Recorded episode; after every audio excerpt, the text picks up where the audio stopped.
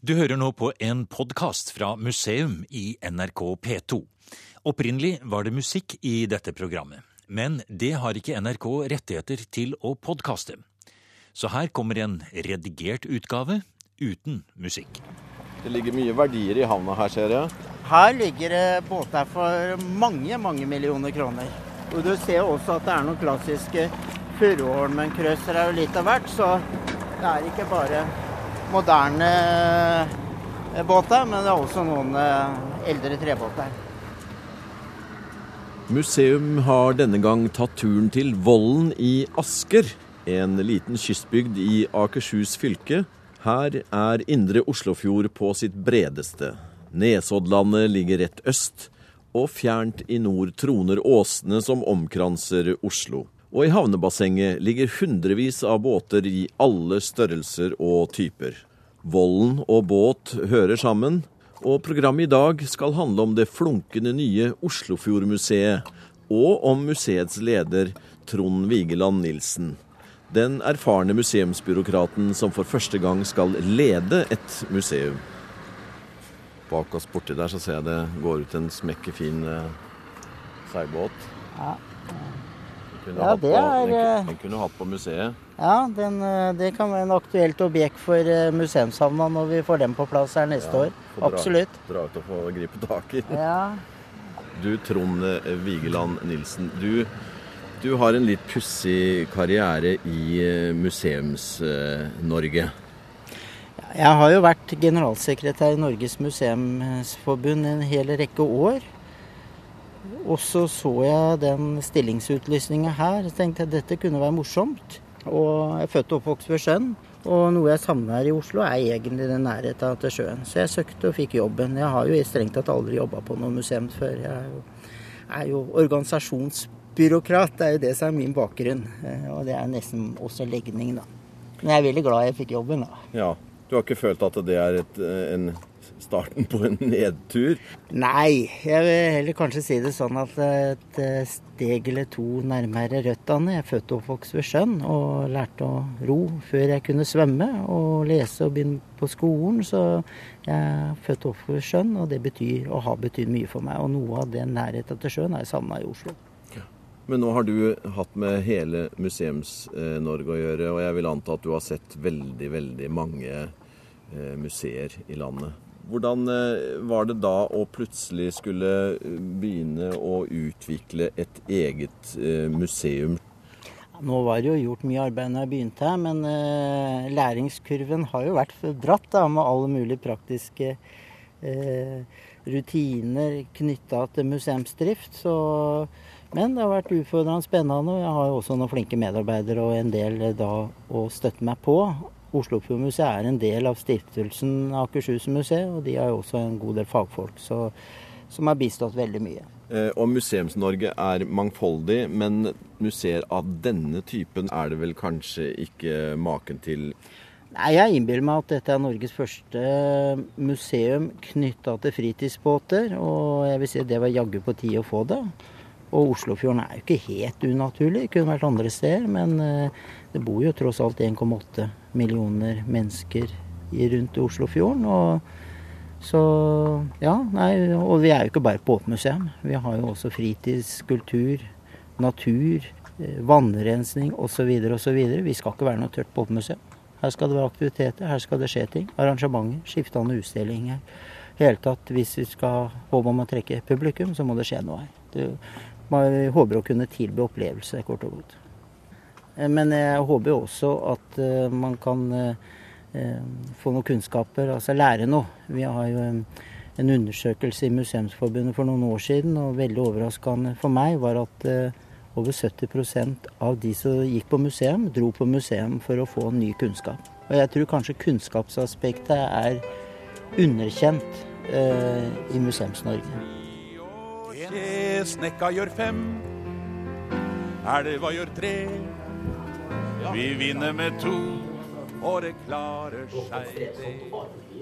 Her kommer vi inn, og det første som møter deg, er jo da ei klassisk Arendal-sjekte, som jeg sier, eller snekke, som man sier da innover i Oslofjorden. Ja, det ligger plasta. Ja, vi holder på å reparere gulvet her, så det støver litt. Men den er fra 37. Original ensylindra Marna-motor. Jeg ser eh, at det er vakre linjer i båten, og det er sannelig med også vakre linjer og sprekt i det nye museet, så må, en må nesten gratulere.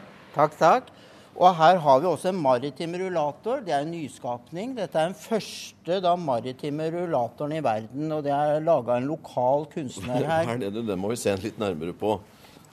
Har du sett, da? Ja, ikke sant? Nå må pakke ut av plast. da, Altså, det er baugen på en båt, for å si det sånn. Ja, det er baugen på en båt. Og hvis du blir litt tørst, så har du flaskeåpner her. Og ikke bare det, du er sjølhjulpen. Her har du mulighet med Ja, ja, en en liten, liten, en, eh, liten et knert. lite metallbeger, ja. Og hvis du får for stor fart nedover fra bollen her, så har vi også en liten dregg vi kan eh, kaste ut for å bremse litt. da. Kjempeartig. Så dette er en av de to mest eh, fotograferte objektene vi har her på museet. Siden åpninga, ja. Det er eh, gitt plass til eh, litt humor i det nyåpnede Oslofjordmuseet i Asker. Museumsleder Trond Vigeland Nilsen med befesta larviksdialekt ønsker et folkelig museum som kan gi gode opplevelser. Vi beveger oss nå inn i museets storstue, auditoriet, som er besmykket med bilder og modeller fra to av voldens solide ankerfester til norsk båthistorie. Det er eh, båtverftet Anker og Jensen som bl.a. bygde den kjente klassebåten Draken. Og det er Roald Amundsens polarskøyte Maud.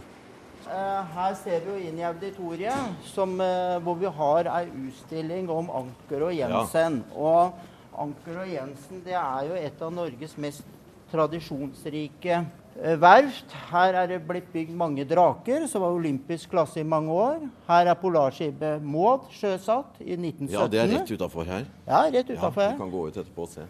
Og her ser vi da eh, Oslofjordmuseets helleristning. Den er ca. tre måneder gammel, og det er av linjene til en drake. Ja, det, det slo meg da jeg kom inn her, så eh, måtte jeg se to ganger er det helleristning, men så er det altså da eh, skisser av eh, en, en drake eh, på rene betongen. Det var litt effektfullt. Ja, litt morsomt. eh, Og siden også henger jo bildet da, AS Anker og Jensen Verft, Vollen 1950-1939, og det var eh, virkelig staselige farkoster. Ja da. og Dette er en timeter som eh, er i restaurering nede på Isegran i Østfold.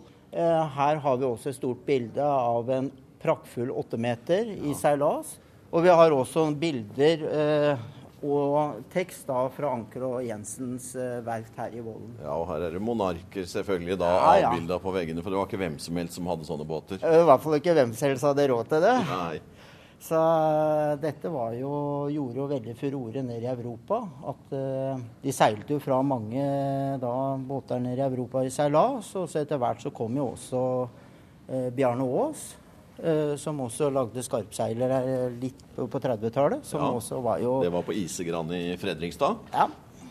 Og her ser vi bildet av uh, Maud som, uh, som uh, fosser ut. Stabelavløpning.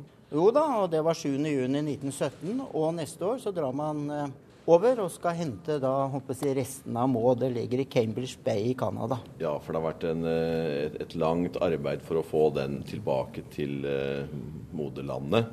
Og Men- volden. og volden. Ja. Men uh, det får bli en annen historie. Ja, Men uh, her står jo en veldig fin modell av den, da. Det var en veldig bredde på den båten. Ja, det er jo bygd for å gå i isen, og det må jo være ganske tøft og litt nervepirrende, spør du meg. Og så la seg ligge i isen sånn, og de har ha knaka eh, mye. Og det var jo ikke sånn at man hadde en liten GPS eller en uh, satellittelefon og fikk eh, da noen til å plukke deg ut med helikopter.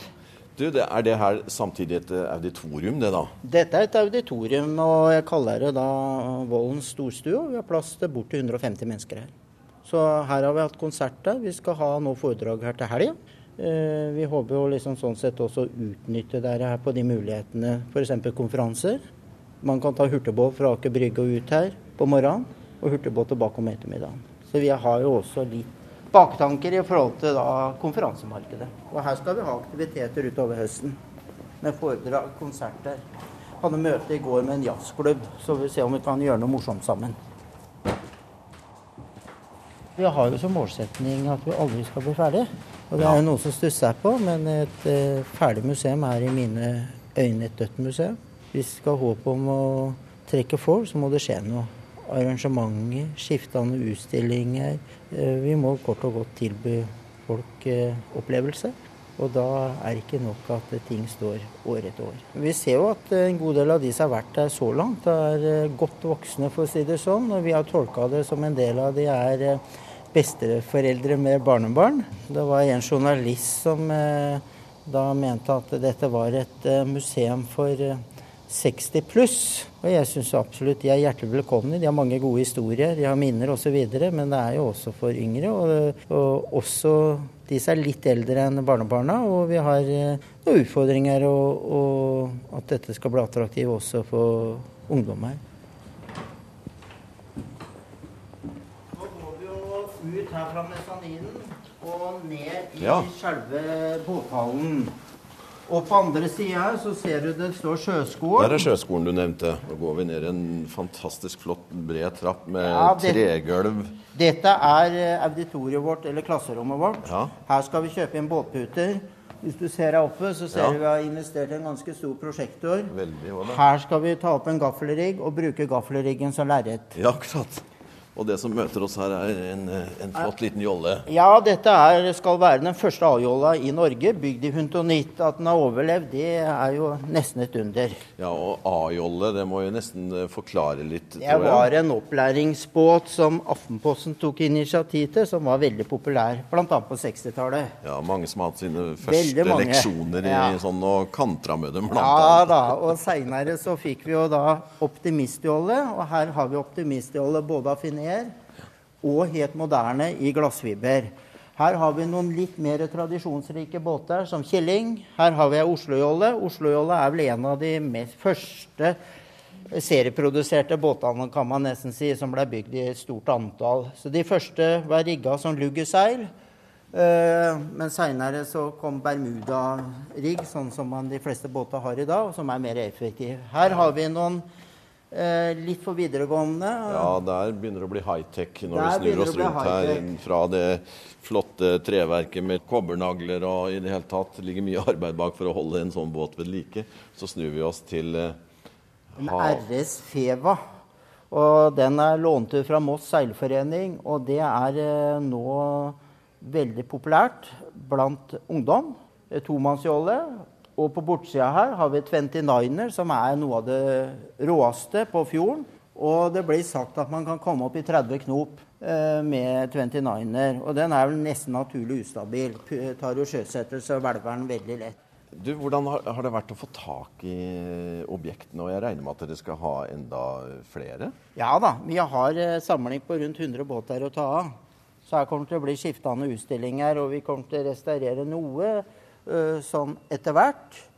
Eh, vi skal også eh, få dokumentert da båtene, ta bilder osv., og, så videre, og så legge det ut på nettet i tillegg.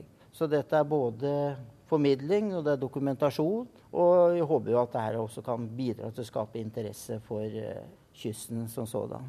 Og det er jo samtidshistorie? I høyeste grad.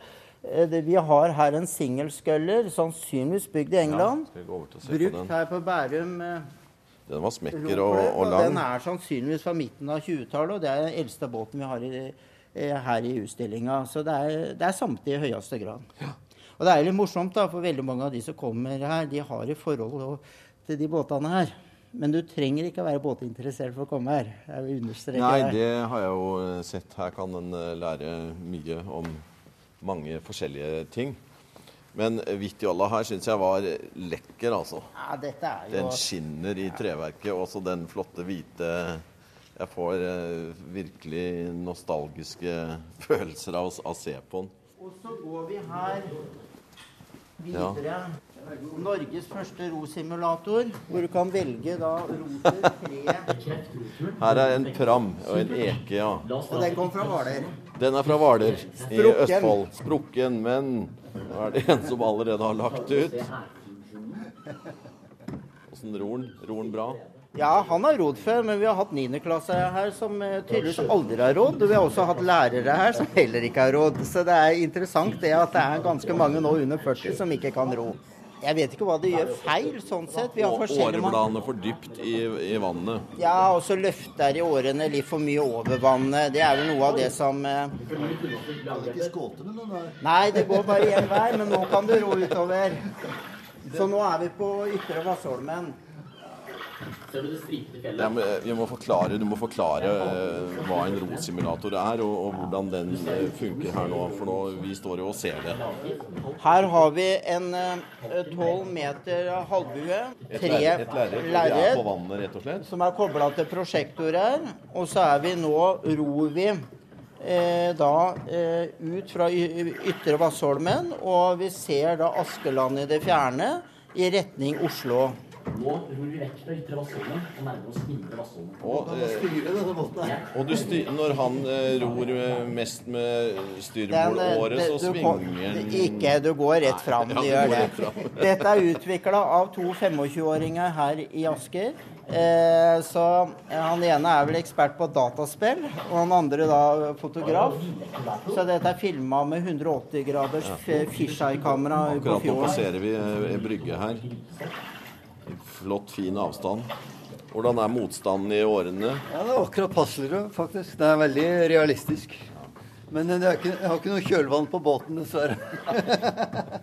Men du hører skvalper. Ja, men så, se hvis jeg tar Det var en tilfeldig besøkende Helge Kolstad fra Osterøy ved Bergen som her prøvde rosimulatoren på det nye Oslofjordmuseet. Og det er her museum er på besøk i dag, og ledsages av Trond Vigeland Nilsen. Museumsbyråkraten som for første gang har fått jobb i et museum, og attpåtil som leder.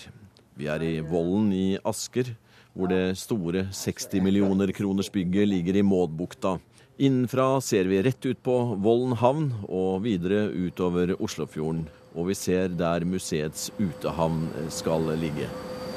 Her kommer eh, sjefen for museumshavna her. Nils Otto Holmen. Ja, ja. Så, men du må hilse på her. Ja. Så. Vi har akkurat snakka om eh, Ja, ja.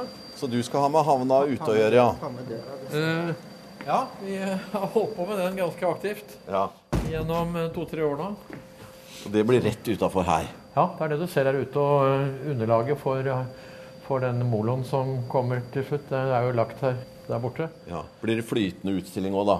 Da blir det plass til større båter som ikke får plass til inne på museet. Og vi håper vi kan få et, et levende miljø der med både regattabåter og annet. Så det, det hører med til et museum. I hvert fall et uh, fjordmuseum. Det blir kronen på verket. Det blir kronen på verket. Ja, kan si det. Og det er du som skal fikse den. Ja, det er nært samarbeid med Trond. Jeg på en måte har jo mitt utspring i Venneforeningen, da. Ja, Som er en veldig aktiv samarbeidspartner med Trond og museet her. det har jeg skjønt.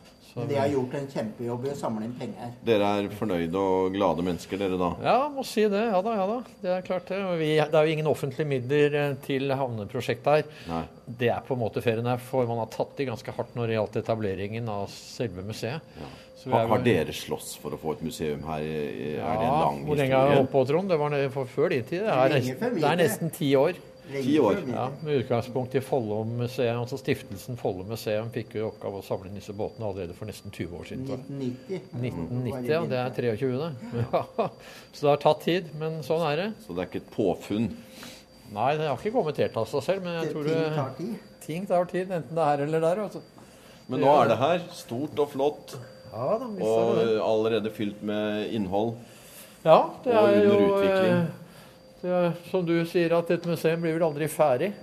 Og det er vel sånn det skal være, egentlig. Men det er jo et veldig godt utgangspunkt. Og det er klart det blir jo litt videreforedling etter hvert. Og auditoriet kommer til å være en veldig viktig brikke oppi det hele. Så, så vi har fått med bl.a. Norske Veritas på havneprosjektet vårt. Og det er vi veldig glad for. Og de sier de skal bruke stedet aktivt. Så det tror jeg kan bli fint for, for besøkende til deg. Vi får gå ut av Trond, og se hvor havna skal ligge. Er de andre gutta der borte? Ja, de skal være i kjøkkenet. Ha det godt. Og vi dørja over lera, og vi dro opp fire pir. Så elva gjør tre, Du har fortalt meg at du har et sterkt forhold til, til fritidsbåt og for så vidt bruksbåt. Ja, det var, vi hadde jo pram, da. Den var ganske stor. Det var pram med tre hester Jonsson. Jeg husker ikke om det var 8 eller 59 modell. Det gikk alltid, starta lett. Eh, Og det var der jeg lærte å ro. Og så hadde jeg lyst til å kjøpe seilbåt. Det var ikke faren min noe særlig stemt for, så det ble, var greit å kjøpe passbåt. Det var helt greit. Så jeg hadde en Ving Sport som ble bygd ned på Nøtterøy. Med GT-sete og GT-ratt av plast og 25 hester. Og den hadde jeg mye moro av. Den gikk eh, eh, ganske fresh sånn til størrelsen og var dyp vedbånd og gikk eh, veldig fint i sjøen. Nå må vi passe oss ikke å bli påkjørt her. Seinere så flytta jeg til Oslo, og da tok jeg også og kjøpte da en langdragsjulla, svensk juniorbåt. Seinere så kjøpte jeg en Wayfair, en klassisk eh, engelsk seiljolle. Og, så jeg har da bytta det ut med kjølbåt, og det er det jeg har nå, da. Da føler du at du har kommet i det rette elementet rent eh, faglig også, da. Føler jo på mange måter det, da. Dette er jo noe som jeg vokste opp med og har et forhold til, og som har betydd og betyr mye for meg. Det viktigste er ikke hva slags båt du har, men eh, muligheten å kunne ta, ta en tur på fjorden. Jeg regner med at du eh, også har sett eh, museer i, utlandet. Sikkert mange. Henter du inspirasjon fra andre museer, og er det noen museer som du virkelig syns er flotte, og som du eh, kan bruke ideer fra? Det er klart eh, det er mange flotte museer både der ute og her i landet. Vi ser også at eh, en, enkelte norske museer har fått internasjonal heder. Og som viser at de beste norske museene er på høyt europeisk nivå. Jeg har også vært jurymedlem i Årets museum i Sverige og hatt gleden av å, se, å dra rundt og se på mange flotte svenske museer. Noe som er litt spesielt i Norge, museumslandskapet, er samvirket mellom vitensentrene. Eh, Learning by doing med skjermer og tekniske duppeditter som er kommet de seinere åra. I Norge så har vi i hvert fall til en viss grad klart å integrere det med museer. Og det tror jeg har vært en styrke. Vitensentrene har eh, eh, betydd et løft og inspirasjon for Museums-Norge. Danmark og Sverige så er det nesten skott mellom vitensenter og museer. Museer har gjenstandene, har tradisjon i forhold til forskning, forsknings- og kunnskapsutvikling. Eh, Vitensentrene er flinke når det gjelder formidling, utstillinger og eh, tekniske hjelpemidler, duppeditter, og det kan bli vinn-vinn. Og jeg føler at på det museet her så har vi litt begge deler. Så noen norske museer her har gått litt i bresjen med det med å blande gammelt og tradisjonelt og moderne. Eh, Teknisk eh, eh, formidling sånn sett. I Oslofjordmuseet her eh, rett bak oss nå, så, så er vel de eldste gjenstandene tilbake litt innpå 1900-tallet. Det er jo samtidshistorie. Eh, Det er ikke for tidlig. Nei, det er jo nå vi må ta vare på. Og der har jo stiftelsen Follo museum gjort en kjempejobb og samla inn båter her fra Oslofjorden siden 1990. Som må være i ferd med å ende på sankthansbålet. Mye er endt på sankthansbålet. Og det er en viktig del av kulturhistorie. Nærmere 80% av Norges befolkning bor langs kysten. Og kysten og, og sjøfart i hele tatt har ikke fått en oppmerksomhet i offentlig politikk som det fortjener. Og det er på tide, sånn sett, at eh, eh, også Museums-Norge, det offentlige, kommer etter. Det har vært en renessanse de siste 30-40 åra når det nettopp gjelder interessen for kystkultur. Tenk på sånn som for, Forbundet Kysten med alle sine kystlag. Norsk forening for fartøyvern. Det er de frivillige som har gått i bresjen. Og det offentlige har ofte kommet diltende etter. Men når det er sagt, jeg vil gi honnør til både Akershus fylkeskommune og Asker kommune, som har gjort det mulig å realisere dette museet. Vi har ikke fått en krone i investeringstilskudd fra staten til dette. Og det sier kanskje også statens manglende interesse for kystkultur. Og det ser ikke helt billig ut. Nei. Det er er ikke helt billig. Det er, koster å bygge et såpass eh, stort museum, og det koster også noen kroner i forhold til det med utstillinger. Men eh, her har altså Akershus fylkeskommune og Asker kommune bidratt bidra til å realisere dette. Snekka går opp, elva går ned. Her står det og knop. Du har nå hørt en podkast av programmet Museum fra NRK P2. Send gjerne en e-post til museum krøllalfa nrk.no.